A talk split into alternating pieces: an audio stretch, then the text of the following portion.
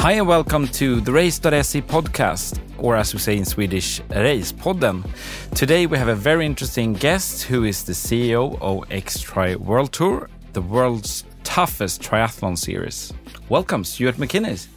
Good morning, Erik. Yeah. How are you? Did I pronounce it correctly? yes, you're close enough. Yeah, close yeah, enough. You're okay. How are you today? I'm very well, thanks. Yeah, Yes. excellent. So you traveled up to Stockholm now from Gränna, where you live, right? Correct. Yes. Yes. Yes. Excellent. How long has you lived in Sweden for? Five years now. Five years. Yes, which is why we're doing this podcast in English. Oh, absolutely. yeah, I was asking whether we could do it in Swedish, but okay, let's stick to English. So tell us a bit more. Who who's Stuart? Uh, Stuart is is the CEO of X-Tri World Tour, which has uh, now been um, running as a full business for, for two years. Uh, previous to that, people who know the history of X-Tri would know that it's, it goes back to 2012 when we started to collaborate with the Norsemen with the new races in Scotland and in Switzerland, and has grown since then. So so that's that's Celtman, Swissman, and Norseman, right? Yes, they're the founding members of the X-Tri World Tour. Um, Yeah. And I've been essentially with this business since then because I'm the founder of Celtman, uh, or co-founder of Celtman, uh, and I've uh, been along the journey with the with the X-Tri World Tour from then um, through all the different developments and ideas and everything we've had to this place where we are now, where we're, we're growing significantly and and we have uh, some incredible races around the world. Oh, excellent. So so going back just before before the start of of Celtman and also X-Tri World Tour, um, what did you do then? Uh, I ran a triathlon store in Edinburgh, wow. in Scotland. Oh, okay. yes. So for how long? Uh, oh, for a number, probably about eight years, I think we had that business. Yes, before I before I moved to Sweden with my well, before I was dragged to Sweden by my wife. yeah, dragged to Sweden. That's excellent. But you had, I did some research, and you had a a another race right before doing Celtman, close to Edinburgh. Am I Uh, correct, or is that wrong? not not a tr- not in that uh, that scale. Not on that, no, we- not we- that scale. no, we ran we ran lots of uh, local races, cyclocross, Mm-hmm. triathlon, trail running. okay. uh, Through the business that we had, so the, we were always close to events, yes, Hmm. but nothing on the scale of Celtman until until that was done. Until we saw Norseman and said we need to replicate this. Oh yes, yeah. It's such an such an amazing race. What what is your sort of um, relationship to triathlon from the very beginning? It's business based. Yeah. Uh, it's, it's purely that. It's not. Uh, I am. I am no triathlete. Uh, no, although No elite triathlon. No, well, I'm no triathlete at all, really. Although I get away with it sometimes because because I, I, I sort of look a bit like an athlete. you absolutely. if you look at me sideways. Yeah. Uh, but no, it's a business relationship. We we had a we had a good business in in Edinburgh. Uh, really quite innovative. We did lots of different things. In fact, we were the only triathlon store in Scotland. Um, so there was uh, a number of uh, strong developments that came out of that, and it was a, it was a dynamic business, and that's where the events thing came from. We didn't sit and wait for people to come through the door. We were always changing, always innovating. Um, quite an exciting, exciting business to be in, uh, and definitely the genesis for for X-Tri for sure. Yeah. And what is the story about X-Tri? You were saying uh, it Well- came it came up with with Celtman, Swissman, and Norseman, or yes, I mean, in, in a nutshell, and Yeah. uh, and I always feel like I bore people, but it's probably different No, no, no, listeners. you know, please. so it's, I, it's, really uh, intrigued about the story. Well, the story really is that um, if we take it back to the basics, when I Hmm. was uh, in the triathlon business, I was also the importer and distributor for an American nutrition product called Honey Stinger. Mm-hmm. Uh, it's still a big product now, really good product. And we had a, I had a good relationship with the Norwegian distributor, a guy called Leonard Hug. We give a shout out to Leonard for uh, for his help in this process. Uh, and Leonard, at that time, when Norseman were a smaller race, was one of the sponsors of, of Norseman via Honey Stinger as a distributor. Uh, and he got some sponsorship places, which he didn't have use for, and offered them to me. So two of my friends we took the places, and we went as a little team to Norway. Uh, I went as a filmmaker then, which was just a hobby, uh, and we made a film about these two guys doing Norseman in 2010. Uh, and we just we developed a really good rapport with the organisers, with Dag uh, Oliver, who's still the, uh, the the general manager of Norseman today.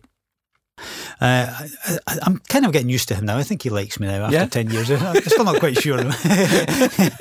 if you know him, he hides behind his beard. Under there, he's a big softy. Yeah. Uh, no, so we had a really good rapport with Dag and with the other Norwegian guys, and essentially just were so blown away by this experience, by this different type of event, and even the whole lead up to it, because even in 2009, probably 2010, the internet wasn't. I know it sounds crazy, but the internet wasn't what it is now. I mean, it wasn't. We didn't have access to as much.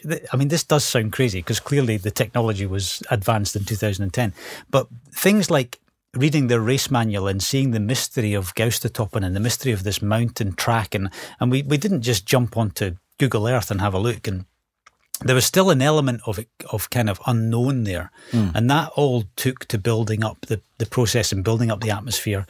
And when we went there, we were still looking at maps. We weren't using GPSs. It was kind of you know, it does sound like I'm speaking like an old man from ten years ago.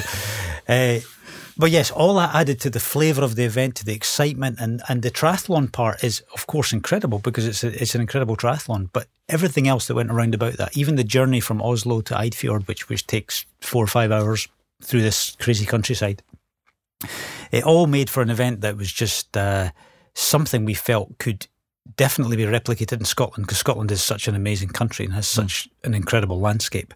And because we had the connections and, and we knew that this was possible, then that's what we spoke to Nor- the Norwegians about and said, guys, can we copy this? Uh, and their immediate answer was, no. and I think the immediate answer was no because they've been asked so many times. We weren't the first people to go there and be inspired by this event and think that we can mm. create mm. something somewhere else. However, what we did do, which many other people hadn't done, was to carry it through and to follow it up and to persist ah. and to say, look, we really have, we can create something special here. Mm. And uh, and eventually uh, they came so round. The old uh, wearing down tactic. The old wearing down tactic. chip away at the old iceberg, you yeah. know, and eventually you get through it. Uh, but no, with with their with their blessing um, and with their help, actually, with their mm. assistance, we created the Celtman in Scotland, which was first run in 2012, and we sold out our initial places. Mm. Via only some basic Facebook marketing, I think, nothing more sophisticated than that.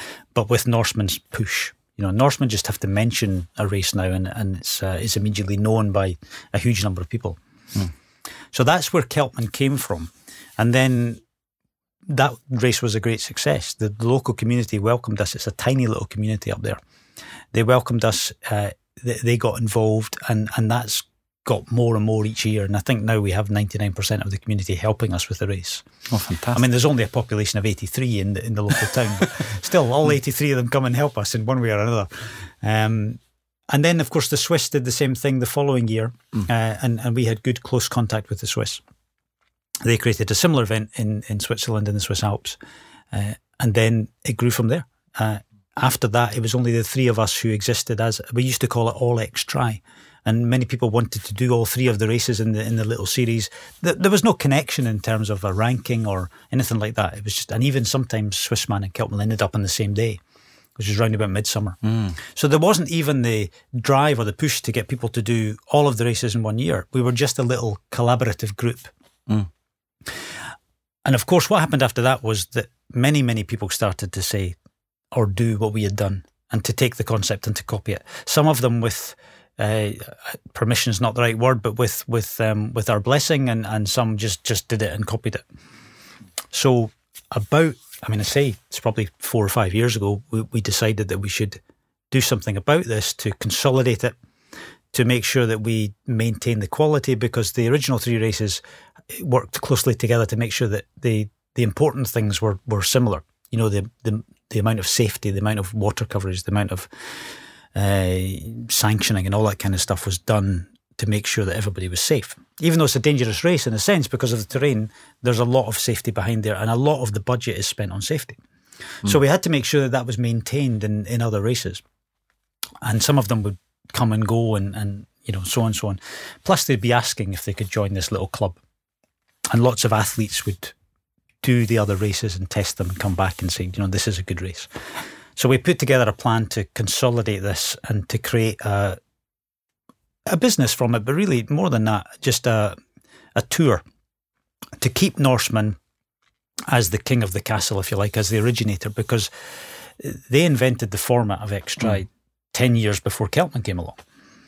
So they have to be rewarded with the, um, the kind of um, respect that, that they created that concept and they should be considered to be the original uh, the best is questionable now because who knows what the best is? The, the, everybody claims they're the hardest, the biggest, the fastest, mm. the coldest. we, we, don't really care about that anymore. All of these races have, have something special to offer, lots mm. of special things to offer. But the tour was designed to keep Norseman as a kind of originator. So, so we now have the World Series, um, World Championships. Not a series, beg your pardon. We have the World Championship, which takes place at Norseman, uh, and Norseman is the World Championship. So the other races feed into Norseman. They have qualifying spots, um, and people can go and, and race for the title at Norseman in 2020. Mm, fantastic. Mm. Yeah, and and like you were saying, it's it's, it's these these races are something else. Mm. I mean, a lot of people think about doing an Ironman, perhaps, if, if you're into triathlon, yes. or, or or if not into triathlon, you might dream of that. Uh, and this is pushing the boundaries to something else. How would you describe the the sort of the average XTRI participant?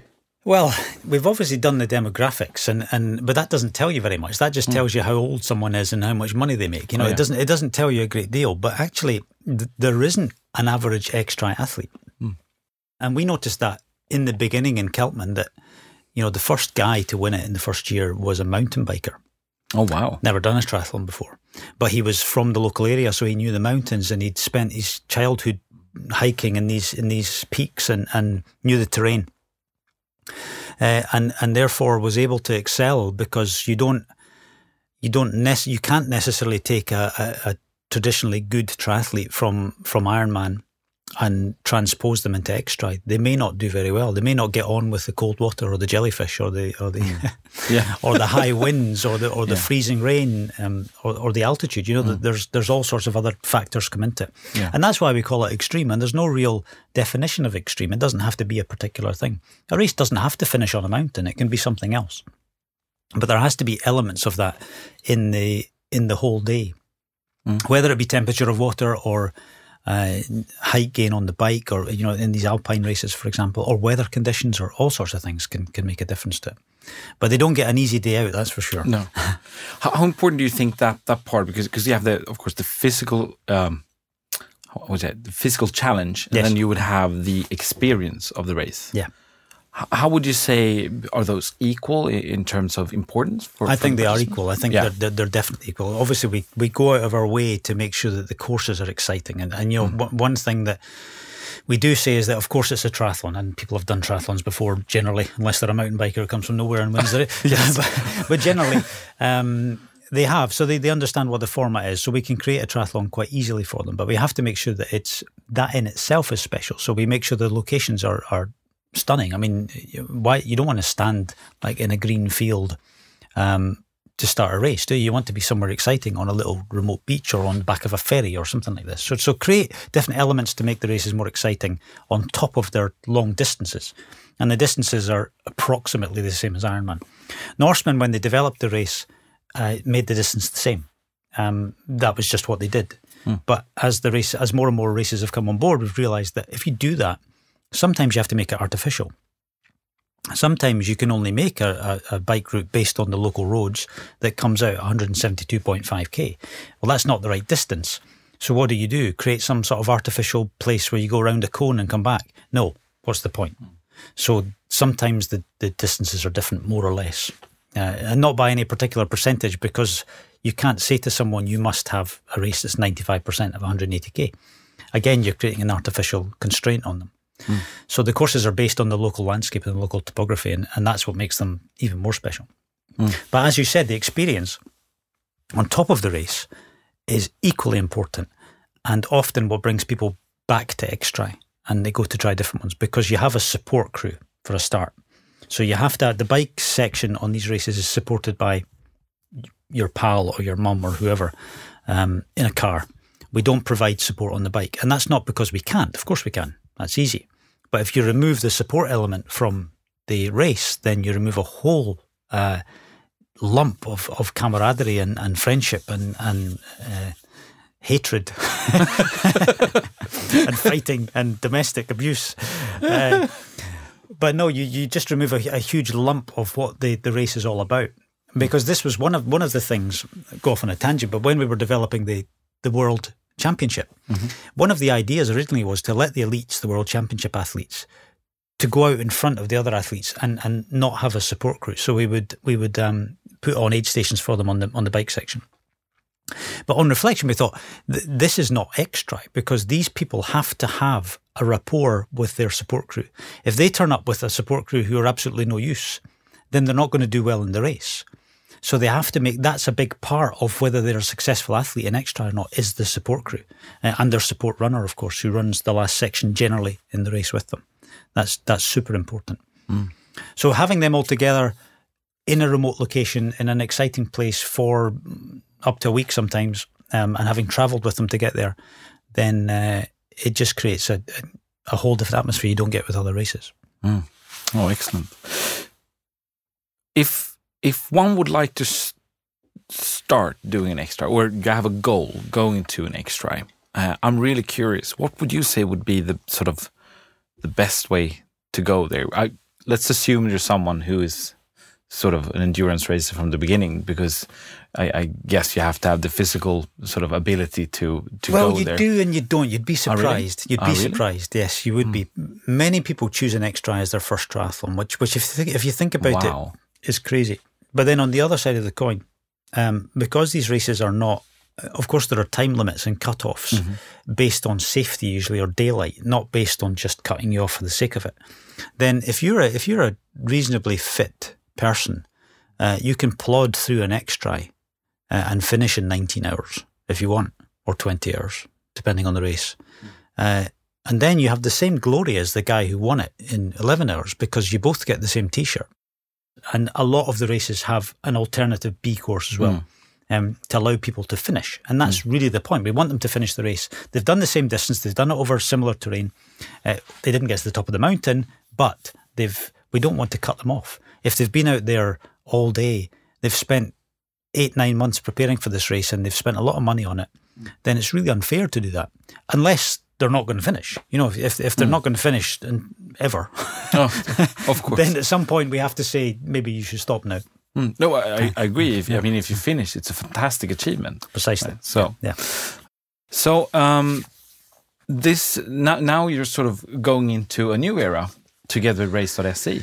Yes, we are. Ah. yes. Yeah, Yes. which is why I'm sitting here as well. Yeah, exactly. Um, could you tell us more about sort of the, the journey to, to here and, and Yeah, absolutely. And the journey is an interesting phrase to use because that's actually what we, we now, this year we've developed a lot of projects to try and uh, improve the um, the kind of uh, overview of, of Xtri and to help the races to, to be more successful and to be more uh, visible. We have a uh, both a podcast and a magazine, both called The Journey. And that's really because that's what it's all about. Um, it's all about and that could be the journey for the athlete, the support crew, a photographer, a, a mountain rescue guy, whoever. Uh, the journey of Xtri is is a significant part of it. And yes, it's an obvious name to use, but we went through every other name in every other language in the world and came back to Journey because that's what it is. So yes, and the journey we have with race.se is also significant, I think, because uh, all of our races being independently run all use different systems, different platforms, different ways of entering, and they all have their, their own idiosyncrasies, their own benefits. Uh, and usually their people are quite comfortable with what they use in their own country. Because remember, we're talking about 15 different countries now. You know? Oh, so, so, so absolutely, it's, um, it's lots of different systems to work with and lots of different people and lots of different languages. Uh, so it's a complicated process. But putting everybody on the same platform, for me, I think is really important because it gives us uh, the ability, first of all, to create a community, an Xtri community, because every athlete who enters an Xtri has to create a profile on race.se. And we tag that with an, or you guys tag that with an Xtri tag. yes.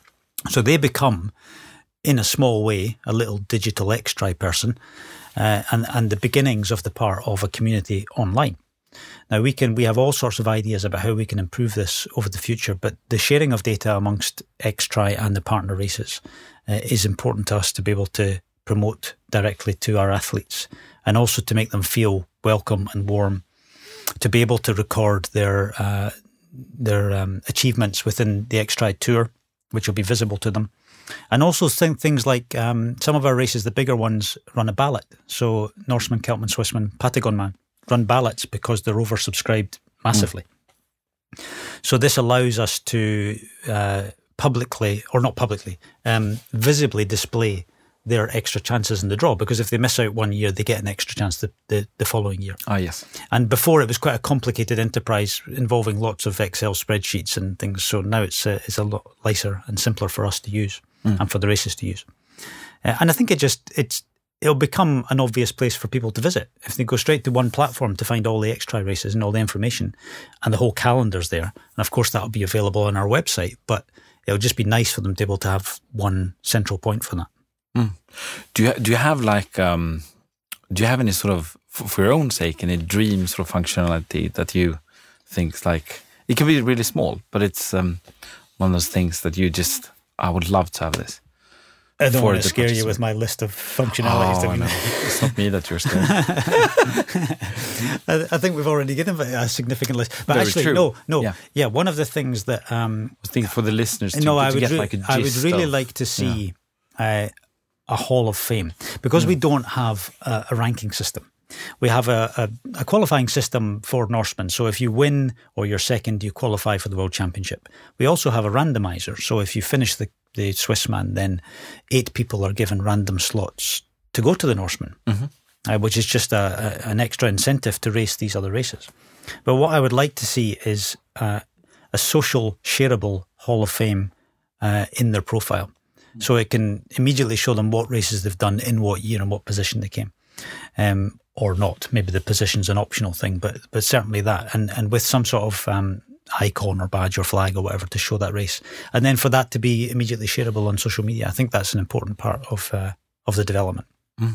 Oh, it's quite simple, probably yeah. not for your programmers, but um, it's quite a simple idea to to just encourage people to to show off their kind of um, yeah.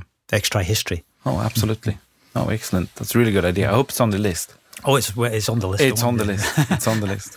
Um, excellent. So, um, talking about a bit about digital, digitalization, which we are now, um, but also talking more more in general. What what would you say is, is, is your vision of the future of X-Tri? Like how how is the journey going on from here? Because how many races? Yeah. How many races do we have today? We have we have twelve. Twelve uh, races and, and around the world. Correct. Yes, and yeah. we have um, three prospects generally lined up. Um, mm-hmm. uh, certainly for the next couple of years, we have we have them in the pipeline. Yep. Um, we've only announced one for next year uh, so far, but we do have some things up our sleeves. Mm. uh, and the the idea is to have is to never go too far. We don't want to have hundreds of races. Uh, I mean, our original plan is to have twenty to twenty five races over mm-hmm. time uh, in really spectacular places. So we we want to spread it globally because we want to build local markets obviously there's a pool of ex triathletes who will travel to races all over the place. But that's got to be limited because that's that's expensive and it's time consuming and, and you know they don't, they all have families and everything else. So we need to have races that deliberately develop local markets that are isolated certainly from Europe uh, for the time being. You know we've we've got lots in Europe, so let's spread them around a little bit. Uh, to have that, to have them all kind of um, never homogenized. So so never uh, to look like a franchise or or um, you know one thing. They have to still have their their own identity, and I think they all do so far. And of course, there's a little bit of X-Tri branding and stuff, but we don't want to go whole hog with that. We don't want to overtake them. They need to be independent races under our umbrella. Uh, so that that's kind of the vision we have for how the races will stand in this small tour with the World Championship that should become more and more famous. In fact, Norseman have just closed their entries, and you know this because you're the entry platform. Yeah, they've just had more than five thousand applications for, for 250 slots. Yeah, uh, and I know that looking at the other the details that Celtman and Swissman, who are currently still open, we're, we're you know 20 25 percent up on last year on, on entries so far, and it's not closed yet. Uh, so there's definitely a trend, an upward trend in, in the interest in this sport. Uh, although it's still small, mm. but it's an exciting small sport, and we want to keep it that way. We want to keep it niche but we all, we want to keep it. I don't know what the right word is. Tight, tight. strong. Maybe strong is better because yeah. it needs to be a really good quality, strong product for sure. No, I I fully understand that, and uh, that makes a lot of sense. Um, going into, um, I'm really curious about hearing more, a bit more about these early years of Celtman mm. because mm. I'm sitting here with the source. and do you have any any sort of like how how was experience the first year? How many participants did you have in the first race? How was it to well, the, the, whole really, really yeah, beginning? the whole experience was was was pretty incredible actually because I, I think as I've said before that what we were trying to create with Celtman was not a race, but we were trying to replicate the atmosphere of the Norseman oh. in Scotland. Mm. Uh, and so, so, more the experience, more the experience. Than, yes, mm. maybe happens. More the experience than than the race. Of course, the race was important, and we mm. spent a long, long time on on courses. And in fact, there was a big. Um, there was a series of uh, was a, a, series of unfortunate courses that just got thrown out the window. You know, we designed the course initially on maps as you do before, mm. but then when you go and wreck it and you visit, and you're like, that's absolutely no use to anyone on earth. You know, there was one particular section I remember on the run route that we went up. It was a 12 kilometre section round the coast of what's called Red Point, and it's in the same area where we do the race. But this was designed to be, it's, it's completely isolated. There's no access from the road for this 12 kilometres. It goes along the coast and there's an old bothy in there and, and all sorts of stuff. So we thought this would be great. So we took some mountain bikes and uh, and rode that 12 kilometre section in four and a half hours. Oh, wow. so then, of course, we had to go back to the drawing board and say this this is impossible. It's it's you know it's it's like the middle of the jungle. it's just it wouldn't be workable or safe. Mm. So we have to we want to make it extreme, but but we don't want to lose people in the forest. You know, so uh, that that's one example of of what can happen during the development of the course. Mm. Um, and then and then we had you know how are we going to make the start special? We didn't want to have a ferry because that's what Norsemen do. That's their oh, USP. Yes. And of course, there are lots of ferries in Scotland. It's full of islands, so it wouldn't have been a problem. But we thought, well, we're going to do something different. Uh, so we originally designed to have a kilometre walk out to a little peninsula uh, that would be lit by fire, and we would send them out in their wetsuits in the morning. And this is when you, when you have a vision of this, it, it seems exciting. You know? Mm. So again, we went and we recce this, and, and you bear in mind that every time we go to recce this is five hours drive from where we were based in, in Edinburgh. So there was there was a few long drives. So we went out to the peninsula, and when we got to the end where the swim start would be, um, there's a little house out there, and there's a guy who lives there who who goes in and out by boat. He doesn't use the track; he uses a boat to get in and out to Tesco's and get his groceries. uh, and he said, so we were speaking to him, and, and he said, "Guys, are you, you going to put people in there to swim?" We said, "Yeah." He said, "Do you know what the current's like when the tide's going out?" And I said, "Well, no, we've no idea. We haven't checked that." he said, "Well, if the tide's going out and you put them in there, they'll be in Canada." because there's a narrows between the, the two lochs there. Oh yeah, and and of course because the, there's a massive amount of water moving there, mm. and it's only maybe 500 meters across. The current is just astronomical. So of course that idea was there's lots of stuff like that, which was good fun for us. You know, it's, it's a good mm. it's a good journey to get to that point where you develop a course that you know works because yeah. you, you've found all these problems along the way. Uh, and then when we, we opened entries, uh, we had I think we said we would sell 150 entries, and we did sell 150 entries. That was oh, our wow, goal. That's, yeah, impressive. Yeah, quite quickly mm. as well.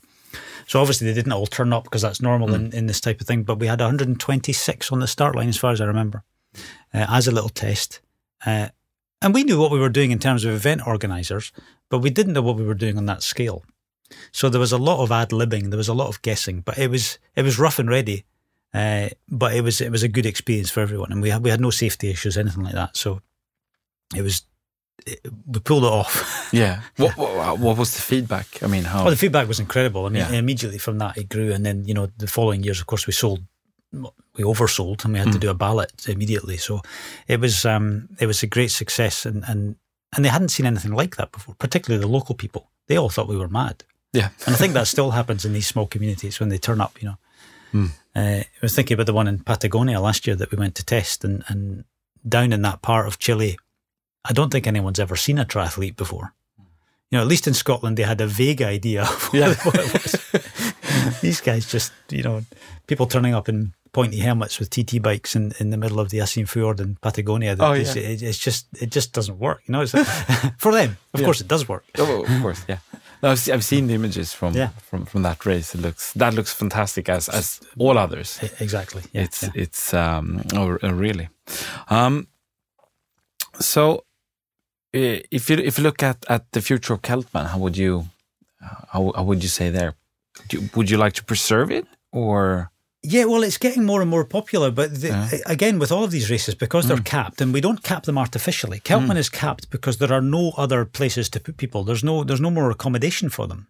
We use up every bed and breakfast, every hotel, every lodge, every hostel with for miles around. There's nowhere else to put anyone. Some people choose to sleep in tents, but invariably the tent's not there in the morning when the wind comes during the night, so it's not advisable. Um, and also the roads are so small. There's single track roads there, so they can't handle too much traffic. And we're already bringing a thousand people to a village that has a population of less than hundred. You know, so it's it's um, it can't grow in that sense. Mm. And that's something we've found difficulty with with um, like people understanding, for example, the the local not the local authority, but the national tourism authority. We obviously have applied for funding for in the past. We've given up now. It doesn't it doesn't mm. really matter, but they always wanted to see uh, a future of growth. They want to see how this event can grow, and that's important to them for their spreadsheets. Uh, but it can't grow. no. It can just remain the same size. Uh, hopefully for a long, long time, and and uh, become a really desirable race to do. Mm. But we don't. I mean, we haven't changed anything really significant about it, other than we made a small. Well, as I say, small, we made a change to the course a couple of years ago because the local area has become more and more popular um, as a driving route. They call it the North Coast 500. Oh. So they've designated it as like a Route 66 for Scotland. Mm. But it's really just someone's drawn some lines on a map because all the roads are amazing up there. But it means that the traffic uh, has increased significantly when before we had nothing in 2000. Literally, you see two cars all day. So we had to move one of the transition areas and change the course a bit. But other than that, we haven't changed the, the concept of the race at all little tweaks here and there improve yeah. it, but nothing has changed significantly. Not not even in those early years when no, no, we, um, no, we've just improved things. We mm. haven't, we haven't, we didn't really. It sounds arrogant, but we didn't really get anything wrong the first year. No, but that's, I mean, anything big wrong anyway. great planning. Well, maybe.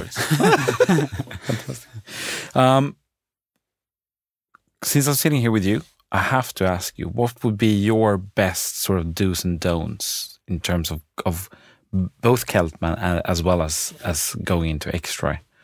Uh, as a participant? As a participant, yeah. The dues definitely are uh, considered the support element of it. Mm. It's really important to even work that into your training because um, it, it it changes the whole dynamic. I mean, it, it's a good thing, of course, because you're allowed to have assistance in transition and you're allowed to have mechanical support on the bike and all this kind of stuff. So, so, but but try and find somebody that you can gel with. Uh, that that's really important. Mm. And that would be one person or a team. Well, it's it's it can be one person. But then that one person needs to drive, needs to plan your food stops for you, needs to do the running with you. And, and, and in Celtman, for example, it's 17k over two mountains, so it's it's a significant run, and they have mm. to be hmm. able to do that at the same speed as you, that kind of stuff. So they'll be tired. So it's better to have more than one, but you can do it with one person. Yes, yes, for sure. Having a driver and a runner is usually the best way to do it. Mm, okay, so and, so two different. Yeah, so that's that's for sure. I, I don't think um, in terms of don'ts. I mean, what what don'ts are there? I don't know. Don't underestimate it. Perhaps is is a good thing because although we say that anyone can come and we don't we don't prejudice against anyone if they want to try it. Don't underestimate it. Um, and I'm thinking, of course, particularly about Celtman, but the water is cold. You probably don't want to know what the temperature of the water is. It's officially eleven. and unofficially? well, conditions change, you know. It's, yeah, okay, okay. Let's leave it that. change, tides change. Yeah. uh, but yes, don't underestimate that because it's it's significantly cold. So you have to train for that. You have to train specifically. And actually, this is another project that we have on the go. We have an X-Tri training uh, system that we're developing. Oh, um, excellent! Whatever you want to call it, a coaching academy or something like that we'll have X-Tri specific coaches available to people if they and and of course they'll be online based generally mm-hmm. so it doesn't really matter about their location but they'll be available for people who want to get into this and don't know where to start because mm. they might have done a challenge or an Ironman or something but they still are not quite sure what an X-Tri is all about so speaking to one of these coaches and, and or perhaps taking one of their training programs will help you not just with the physical side but with the support side as well because they all have first hand knowledge of these races Hmm. Would that be available on? That on will be available very soon. Yes. Yeah. Yes, okay. Yeah. Yeah. Excellent. Excellent. That's another one in development, mm. but nearly yeah. there. nearly there. Nearly there. So, um, if if you look at, I have to uh, ask you about the the sort of elite that will uh, go to and do the, the World Championships at, at Norseman. Yes. Um, how many races do they do in general over a year? Well, uh, they only have to do one. Do you only have to do Yeah, one? but this is why, because we don't have a ranking system. And mm. this was deliberate because we reckon 90% of people who do X-Tri don't care about results. They just want to finish it. Mm. It's it's the experience, It's the experience, and the yeah. sort of So starting yeah. to introduce a ranking system and a point system for that, it creates complications, and sometimes, Mm. sometimes it can put people off because they don't they don't want to think about that. They just want to go and go to this great location and have a great race. Mm. But the people who do want to race and want to win, and there are there are a number of them, and some really incredible athletes from lots of different backgrounds, they have the opportunity, to, if they're first or second, to um, to do that through any of the partner races. Yeah, so that's that's why Hmm. that was designed. That was designed so that they can get because also they also want to race Norseman, but they have to enter the ballot like everyone else. And of. Yeah. course, Norseman have an elite selection, so they can supply a CV. Norseman will look at it and they have a, a separate ballot. But even that's massively oversubscribed. If you think that you can uh, go to a race in Slovakia, for example, where there's only 100 participants because it's in a national park, then if you know you're a good athlete uh, in these kind of conditions, in this kind of sport, then go and race in Slovakia and you could quite likely win it. Then you're going to Norseman. Forget the ballot. You go straight there. Mm. Okay, it's a bit of a task to go and win a race in yeah, Slovakia. it's still it's not quite as simple as just bypassing the ballot. uh, however, that's that's the Mm. that's the reason for it. Okay, no, I, I, I make that makes a lot of sense. Yeah. If you would dream of a new race, where would it be? Well, I might uh, already have that in the pipeline. Oh, yeah, you're right. I can't ask, ask that question. The thing is, Oh. I, the thing is, we don't know. And actually, what happens with these races is, Yeah. and and I, I wouldn't be lying if I said I had a, three or four emails a week Mm. from different people who want to start races and, and Oh, wow. or perhaps even have an existing one, and they say they want to join the tour. Um, Hmm. And because we only want to introduce two to three per year, th- there's a little bit of a backlog, and so these races have to have a number of things that that will fit into the bill. Hmm. Um, primarily, it's location to begin with, because Mm-hmm. we need to have it in somewhere different from what we have at the moment. Um, so we don't when want you to, say different, what what, well, what um, would you put into that? that that could be terrain or experience or even just uh, general location. So you know, Asia, for example, is, is of interest to us because we have nothing in Asia at the moment, and Asia's a massive area, so that Mm-hmm. Oh, could include massive. any number of, of countries. But um, we've got Morocco next year. Mm. Morocco was chosen because it's we don't have a landscape like that in any of the other races. Uh, and also the culture is completely different. You know, we, we have races in, in Europe and, and South America, which which even those are fairly similar culture wise. I know it sounds mad, but you go to Morocco and it's it's completely different. um, and the landscape is nothing like we have at all. There's no green there. No, So that's the first uh, draw for us. But then, of course, there's all sorts of other things. It can't just be Bob Smith in a nice location who says, I want to have a race. There needs to be basis behind it. There needs to be plans. There needs to be the ability to, to finance it, uh, the ability to make sure that. So, so often a, an event organising background or even a company is, is a useful basis for that. So there's there are practicalities we have to take into account apart from the romantic side of just saying, yeah, let's go to the Himalayas, you know. yeah, yeah. Because I can imagine that that. no, exactly. Going up to Mount Everest as a as a finish. Other challenges with that. Okay, so today is actually a quite big X-Tri day in a lot of ways. We have the Norseman draw, uh, which will take place um, uh, after lunch. Hmm. And then uh, just opened, it was Swedeman, right? Yeah, actually, quite a few of them have opened today. Oh, yes. Tell me more about so, that. So, well, the reason for that is again using the Sentry platform. Mm-hmm. Good to coordinate this. The Norseman draw is today, so therefore there's going to be four thousand seven hundred and fifty people who are disappointed. yes, Uh, unfortunately. Unfortunately, yes, of course. However, we have lots of other things to offer them. So, so many of the other races have opened today to give an opportunity for people who've been disappointed to Hmm. to enter now. And of course, everybody else can enter at that point, but many of them are only open for two weeks, first come, first served. So, Hmm. it's a good way to to get in and make sure that you don't miss out on that race. But this is really so we can coordinate the entries and to try and encourage people who've missed out on Norseman to to understand that it's not the only race in the world. Um, yes, it's an incredible experience, but but so are, so are all the other races. They all offer the same level of experience, just with different elements. So it's worthwhile trying another. And uh, as you say, this is a Swedish podcast, so we should Yeah. talk about Swedeman, and that, that opened today. That takes place on August 8th next year Mm-hmm. in Åre, which I always pronounce wrong. Yeah, it's it's a difficult one. Yeah. Åre. Is yeah. it your ear or the thing that you move a boat with or the money? I don't know. It's I think it's the one you actually move your boat with, but I don't think it's it, it, that's what it means. Though. okay, so Åre. Yeah. Åre, yes, which Yeah. which of course to the Swedes would be an obvious location for for a race like this. Oh yes. Uh, and and as the organisers said, that uh, that was actually not considered initially because it was too obvious. Hmm. But once you start to look at all the other possibilities in Sweden, you always come back to Åre because it just has everything you need. Uh, apart from the fact there's lots of accommodation available in, in the summer and that kind of stuff, that so it, it makes sense. But it's a, it's a spectacular place. Mm, fantastic. And of course, the race uh, finishes under Tännforsen Waterfall, which is, oh, not the race, the swim finishes under Tännforsen Waterfall, which is pretty spectacular. Um, otherwise, in Sweden, you're just in a lake, aren't you? A lake with trees around yeah. it. Mainly, mainly. this is a bit more exciting than that.